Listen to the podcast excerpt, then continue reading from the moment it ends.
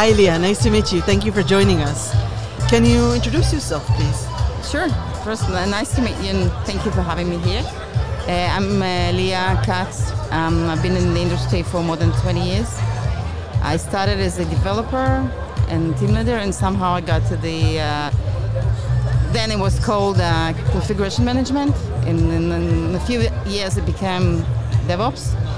And first, I wasn't sure it's something that I like, and uh, I was looking to my way out of iTech in general.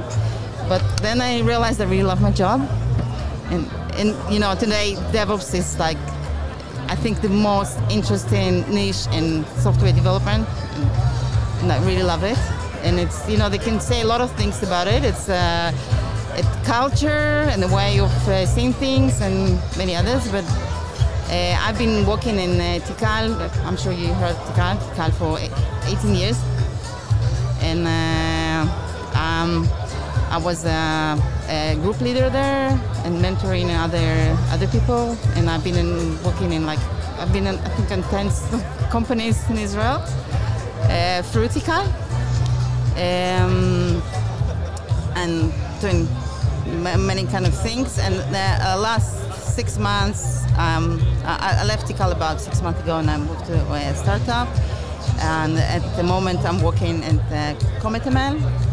I'm a DevOps lead there. CometML is a company that we, we build a, um, a platform for um, data scientists for ML trainings. Um, what else? what makes you happy about DevOps? Well, uh, first, it's really like You can choose which party you like, and uh, you know, uh, get deeper there. And uh, like naturally, because I, I came from development, I, I like more the part of the building processes, of automating everything, and from developer to production. I, I I, I like less, you know, just holding a hand of production to see it's fine. But of course, I'm doing everything, and uh, I've been working in a, uh, all of the areas of DevOps. But uh, I think it's really state of mind to see things. That the, the idea is to uh, automate everything you can and uh, uh, make all the processes the, the, the simple as, as you, you, can, and the actually to help development to do their job. I mean, and, it's not that they don't need to understand what's going on there, but that, but our job is to make it easy. Okay, this is the way I see it, and uh, and I like simple solutions, not the one that you know, very complicated and makes you coffee at the end, and then you go to a vacation, and nobody knows what, what to do. So this is this is not how I uh, I see things. So simplicity is, is, is beautiful. I think that's so true. What's your favorite tool? Well, it depends on the day you ask me, right? Um, I've been working with Kubernetes. I mean, it's it's it's not a tool. It's it's a, it's a, uh, a monster, right? So I, I can't I can't really choose one tool to work, but this uh, ecosystem is uh, crazy, and this is something I really like. I wouldn't go to work in any company that uh, don't have it already, or at least plan to move there as soon as possible, because all the, the old stuff is it's an old stuff. How do you keep updated with the new stuff?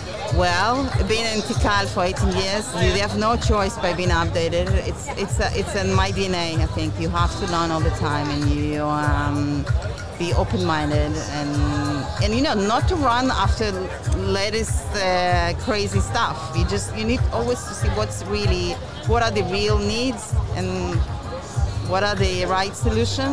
It's uh, it's more important than be like latest latest crazy uh, technology, but technology is beautiful. So, in your experience, what challenges do women face in the industry?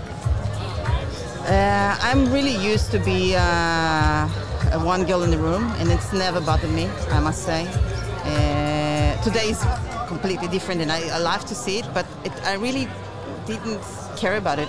I always uh, was always important for me to uh, the people who treat me as a professional, and it doesn't matter if I'm a, Uh, if I'm a, a, woman or a man or uh, whatever, whatever label you would see, I don't want people to label me as a person. I want them to see me as professional. And this, yes, when I was, you know, age has uh, advantages. but of course, when I was younger, I, I, I, I felt many times that, uh, you know, look at me different the first time. Like I was, I was in Tikal, I was doing a lot of pre-sales with our um, uh, uh, business uh, uh, people, and you know, if you come in, and, and, they always thought I was sales and he was technical technical person. And like first look was like, what? Who, who are you? And then I like the I like the uh, how they uh, look at me differently when I start to speak. So this is something I'm dealt, dealt with when I was younger. Today is less than less, and a lot of uh, uh women, and also in DevOps, I see more and more, and it's I love it. Uh, I think the, the most important thing is just to be professional and don't think that someone treats you the other way because you no just just prove yourself and uh, learn and I think if you ignore it it's not an issue, really. And if, if it's, you know, if, if it is an issue in some place, you shouldn't be there. You have a choice today. That's, that's true. What do you know today that you wish you knew 18 years ago about the industry? Wow. Um, um, I didn't know that uh, it was going to be so interesting for so long time. I don't know. I, I, think I didn't really plan my career. I didn't have a plan like to be in some place in 10 years or whatever. I just uh, kind of uh, flow, and then I was looking for. It was always important for me to be uh, the place that I, I, I can develop myself in some way. So this is one of the reasons I stayed for Tikal for so long because it was easy to move from place to place, and I al- almost always worked on more than one project in parallel. So it was like a lot of stuff. Liya, if you could, if you were a superhero, what would be your superpower? the tech superpower? I think that um, the ability to see the big picture and to get to the small details and the troubleshooting, which is the most important thing for DevOps, I think. I'm not someone who's uh, running Kubernetes clusters at night for my uh, pleasure, but I, I, think I can uh, always get a situation and to understand what are the real needs and look for right solution. At least try to. So this is something I I think it is. if the cloud was a tourist destination, which destination would it be? Which cloud? it depends.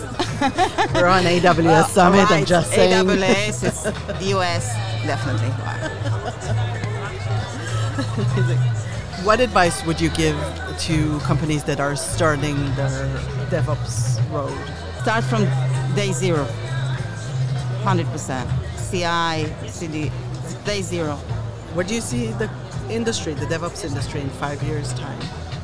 You know, like a couple of years ago, we thought it's, it's another bubble, it's gonna blow, and but I don't think it's gonna blow. For, not for DevOps because it's. I think there there will be more like better tools, and and people will need to. I think have deeper knowledge of things and not just. Um, because there are a lot of uh, DevOps that are that um, know a lot of uh, things in a lot of uh, areas, but don't understand some deep, don't don't don't have some methodology. I think, and this is something that I think should improve. But generally, will stay. DevOps will stay. They will know where. I don't think that any AI will gonna replace us. If the cloud had a personality, how would you describe it? personality. Wow, wow, it's a hard question. I think it's like a big elephant. it has like um, tons of features, and uh, you probably not need just five percent of it. So that's why I'm saying it's like a big elephant that's coming in the room, and it's like it, it, if you're not careful, it's gonna take too much place. So. and last question what should we change in the cloud to produce more rain? it depends what you call it rain. Is a good thing. I think it just needs to be more, uh, more uh, user friendly. uh, for non-tech people. Sometimes it's it will be more. I agree. Anything else you want to tell us? Uh, no, thank you. Thank you. It's uh, spontaneous. Thank you, Liya. That's amazing. Thank you so much. Thank you.